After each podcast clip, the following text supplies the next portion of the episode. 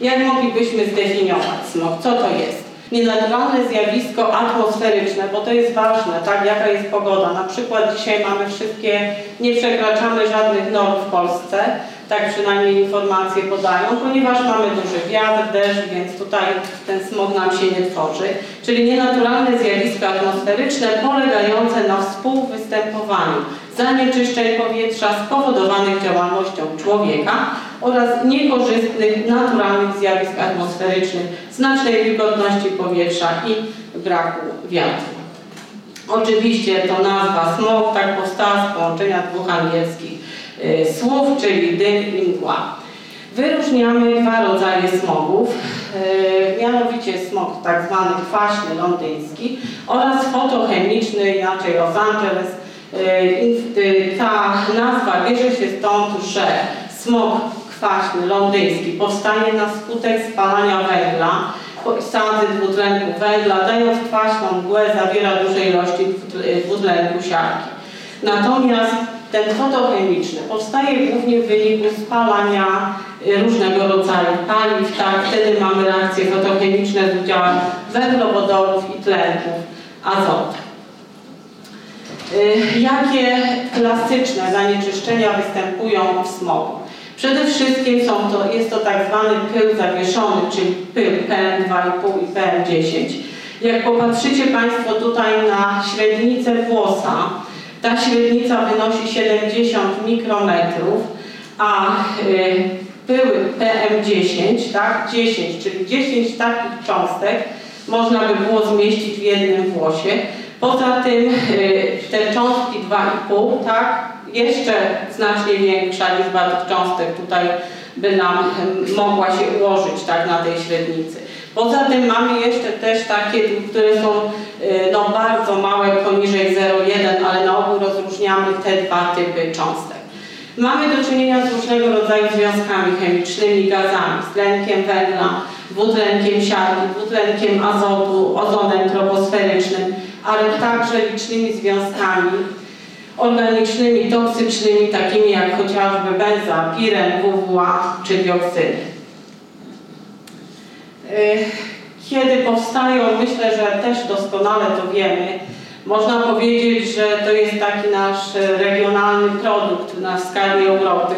Mianowicie y, powstają przy procesach spalania poza przemysłem. Był zawieszony PM10 około 50, PM2,5 około 50, benzoapiren aż 80%. Oczywiście też, no nie będę już tu wymieniała, tak, inne źródła, ale jeżeli chodzi właśnie o nasz kraj, to głównie mamy tutaj do czynienia z, tym, z tymi procesami związanymi ze spalaniem.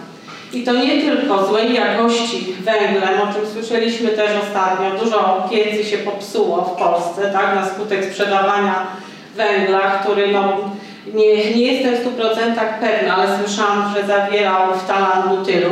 Ten, przy spalaniu tego węgla y, to jest, wygląda tak jak taka lejąca się smoła. Ten, ten węgiel zaklejał wręcz piece, zaklejał kominy, no i oczywiście też no, ostatecznie mógł doprowadzać do pożarów. Ale przy spalaniu czegoś takiego powstawała bardzo duża ilość związków toksycznych. No więc to paliwo, w zależności od tego, czym spalamy, też jest tutaj bardzo ważne i wpływa w sposób bardzo istotny na poziom tej niskiej emisji. Nawet spalanie drewna, tak, niewysuszonego, dlatego tak jak schodzą straże i sprawdzają jakim drewnem palą y, w kominkach chociażby, czy, czy w piecach ludzie, to też musi być odpowiedniej jakości drewno. Jeżeli chodzi o drugie y, główne źródło, no to są oczywiście, jest to spalanie paliw y, przez pojazdy, głównie z silnikami diesla, bo tutaj mamy dużą emisję tlenków azotu. Ale w przypadku Polski, gdzie no, mamy bardzo dużo aut starych, tak? Y, nie mamy takiej rzetelnej kontroli, jeżeli chodzi o filtry, o emisję tych spalin, no, mimo to i tak to nie jest główne źródło zanieczyszczenia powietrza. Cały czas dominuje tutaj, e, e, dominują te procesy e, spalania tej niskiej emisji. No jeżeli porównamy to do innych krajów, do Stanów Zjednoczonych czy tutaj krajów w Europie, no tam to jest główne źródło emisji zanieczyszczeń powietrza, w Polsce nie. Możemy sobie zobaczyć tutaj na tym wykresie, jak rozkłada się emisja benzoapirenu. To jest też taki, będę o nim troszeczkę za chwilę więcej mówiła, czynnik, który, związek chemiczny, którego wartość jest też cały czas podawana w informacjach, bardzo ważny dla nas. Tylko w miesiącach zimowych mamy tak bardzo dużą emisję tego związku, miesiące letnie, kiedy nie opalamy tak paliwem, nie, yy, znaczy węglem, drewnem, tak nie mamy emisji tych związków. Yy, aby nas chronić, tak, i żebyśmy kontrolowali poziom emisji poszczególnych zanieczyszczeń powietrza, Unia Europejska ustanowiła poziom tak zwany dopuszczalny dla pyłów PM10 to jest 50 mikrogramów na metr sześcienny, to jest dobowy i 40 mikrogramów na metr sześcienny średnioroczny. Dla pyłu PM2,5 jest to 25 mikrogramów na metr sześcienny, jest to średnioroczny poziom. Przy czym poziom informowania i alarmowania tak, jest już w Polsce ustanowiony niezależnie i każdy kraj ma tutaj, e, może sam sobie tak ten poziom e, regulować. I proszę zobaczyć, Polska w porównaniu do innych krajów, tak, e, Unii Europejskiej, no zdecydowanie te poziomy ma najwyższe. Poziom informowania 200, poziom alarmowania 300. Także rzeczywiście tu niestety przodujemy. Jeżeli chodzi o y, zanieczyszczenie pyłami PM10, to te przekroczenia nie powinny, tak ilość dni, która w, w której dochodzi do przekroczeń pyłów PM10, nie powinna być większa niż 35. I proszę sobie zobaczyć na tej mapie, mamy to z 2015 roku, w jakich miastach, ilu dniach było takie przekroczenie, bardzo duże. No z naszego rejonu tutaj Opoczno dominowało, z tego co wiem, bardzo dużo tam już zrobiono w tym kierunku, aby wyeliminować to zanieczyszczenie, przede wszystkim różnego rodzaju właśnie y, akcje związane z wymianą piecy. Y, ale dominowało, tak, aż 152 dni z y, właśnie przekroczeniem pyłów PM10. Ponadto, jeżeli chodzi o pyły 2,5, które są jeszcze gorsze, bo wnikają dalej, zaraz o tym będę mówiła, do naszego organizmu, aż 33 polskie miasta znalazły się na liście 50 najbardziej zanieczyszczonych miast w Europie. Znowu przodujemy, tak, szkoda tu akurat w tym aspekcie, że na minus. Y, no tutaj y, mamy znowu Opoczno, Tomaszów, tak, Piotrków Trybunalski, Zduńską Wolę, Brzeziny, tak, Brzeziny, Brzeziny. Także też no, dużo takich miast. Tu możemy, no trudno porównać, tak, ale tak jak u nas mamy duże zanieczyszczenie, to znacznie większe jeszcze jest w Azji, gdzie y, naukowcy z, z Instytutu Maxa Plancka w Niemczech wskazują, że aż 1,4 miliona ludzi y, w Chinach umiera na skutek właśnie smogu. W Indiach z kolei w Delhi uważa się, że o 3 lata przeciętnie zanieczyszczenia skracają życie co wpływa na y, szkodliwość składników smogu. Rozmiar cząsteczek tych, tego pyłu, tak, czyli czy jest 10 y, czy 2,5, ich kształt, czyli też ważna jest tutaj powierzchnia, wielkość oraz skład chemiczny zanieczyszczeń pyłowych. No i ta wielkość ma zasadnicze znaczenie we wnikaniu pyłu do poszczególnych części naszego organizmu, zaś powierzchnia, im większa jest powierzchnia tych cząstek, tym więcej związków toksycznych różnych może się na nich osadzać. I tak chociażby na mm, cząstkach PM10 znajdujemy metale ciężkie, rakotwórczy benzoapiren, dioksyny i furany. Cząstki 2,5 z kolei zawierają różnego rodzaju zanieczyszczenia wtórne powstające z przemian dwutlenku azotu, siarki czy y, amoniaku. I na chwilę zatrzymam się na benzoapirenie. Mówimy dużo o związkach kancerogennych. Z czego ich kancerogenność wynika?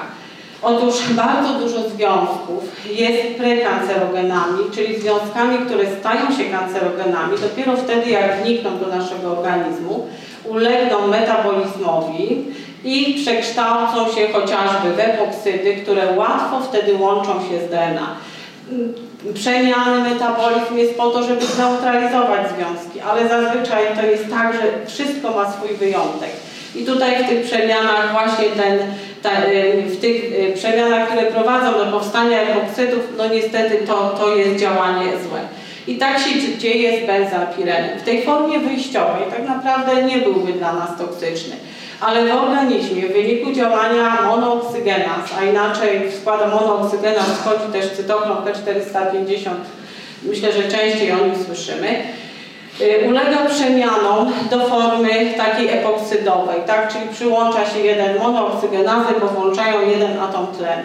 I podwójna epoksydacja, czyli przyłączenie raz, później drugi raz tlenu, później tutaj tak, hydroksylacja prowadzi do powstania takiego związku, który łatwo włącza się w strukturę DNA.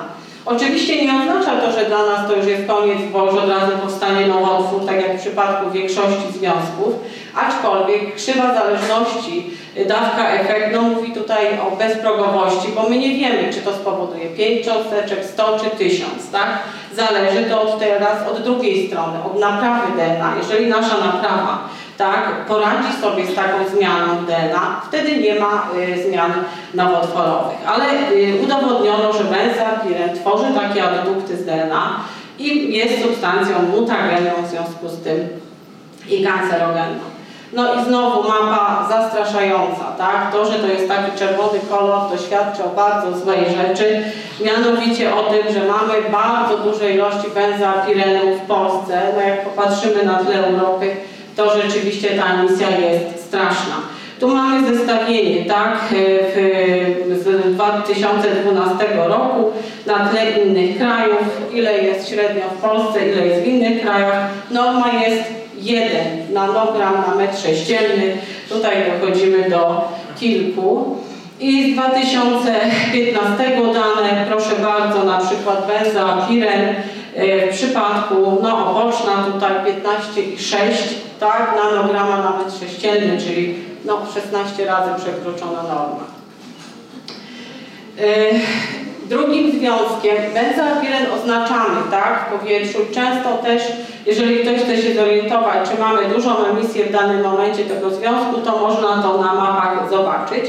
I w, chociażby tak krakowski alarm smogowy często podaje, czy są strony internetowe, gdzie można się dowiedzieć. Natomiast są też liczne związki, które osadzają się na pyłach, a które nie oznaczamy, bo same oznaczenia są bardzo drogie. Nawet kilka tysięcy tak w jednej próbce e, kosztuje oznaczenie e, takiej, takiego związku. E, I między innymi do takich związków, które wiemy, że są toksyczne, a występują właśnie na tych pyłach, to należą WWA, ale także dioksyny. Wspomniane już tutaj, tak, wcześniej, myślę, że z bardzo dużym prawdopodobieństwem możemy powiedzieć, że prezydent Juszczenko był zatruty tymi dioksynami. Z tego, co słyszałam, prawdopodobnie zjadł połowę ryby, w której podano mu właśnie takie są plotki, tak, tego związku. Być może apetyt go tutaj uratował, a być może co innego, ponieważ bardzo rzadko zdarza się, że jak badamy, znaczy, że mamy pewność co do tego, jak, znaczy jaka będzie dawka toksyczna związków, które, na które nie są ludzie narażeni. A na dioksyny no, nikt nie zrobi doświadczeń, że poda ludziom tak i sprawdzi, jaka dawka jest toksyczna. A są to związki, które są, y, charakteryzują się y, bardzo dużą różnicą toksyczności w stosunku do różnych gatunków. I tak na przykład dla świnki morskiej wystarczy 1 mikrogram żeby, na kilogram masy ciała, żeby to była dawka śmiertelna, ale już no, dla żab jest to 500 mikrogram. Nikt nie wie ile dla człowieka, więc być może tutaj ci, co planowali uśmiercić, po prostu nie mieli danych, tak? A wiemy wszyscy, że no, nikt nie kupi sobie dioksyn gdzieś tam, to, to musiało być na wysokim szczeblu, ponieważ to trzeba mieć odpowiednie zgody, żeby te związki móc badać i sprowadzać. Dioksyny są kancerogenami grupy pierwszej, tak? Na pewno występują, bo tworzą się w procesach spalania. I tak dla przykładu Państwu podam, kiedyś jak budowano, y, budowano to ludzie protestowali, my nie chcemy y, spalarni, ponieważ będziemy mieć dioksyny w okolicy. W tej chwili norma w spalarniach to, to jest 0,1 nanograma TEQ dioksyn na metr sześcienny. a w takim dymie z komina, gdzie się opala węglem, jest to rzędu 20 nanogramów TEQ na metr sześcienny. Więc w tej chwili to, to absolutnie tak, norma dla spalarni jest bardzo ostra, no a norma dla takich pojedynczych, tak, tutaj użytkowników pieców, no nie ma jej, bo można w zasadzie tutaj duże ilości emitować.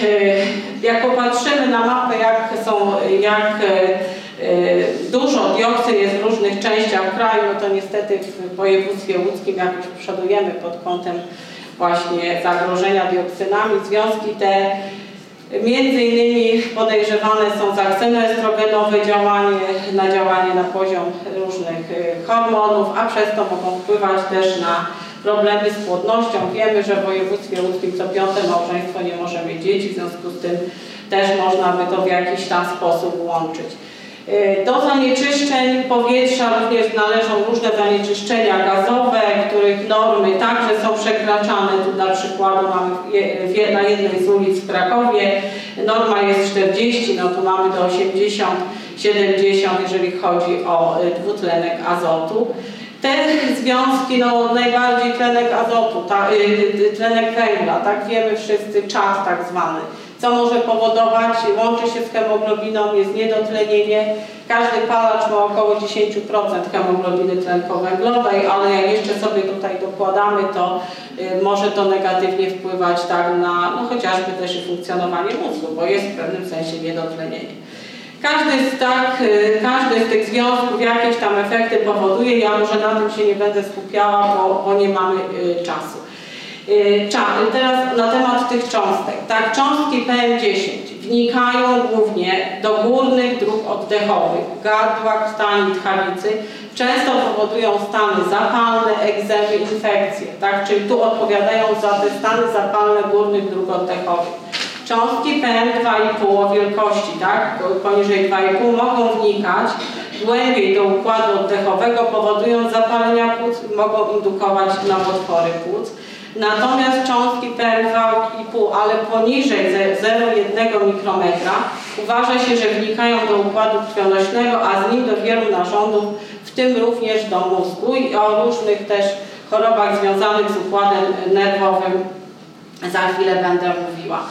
Y, no, dużo jest tak, y, problemów, którymi się możemy spotkać na skutek działania różnego rodzaju y, zanieczyszczeń powietrza. E, takie najważniejsze rzeczy. Otóż e, tak, czy rzeczywiście realnie wpływa zanieczyszczenie powietrza na śmiertelność? No tutaj było wielkie epidemiologiczne tak, doświadczenie, chociaż takich badań jest mało, tak żebyśmy mieli bezpośrednio w działaniu na ludzi.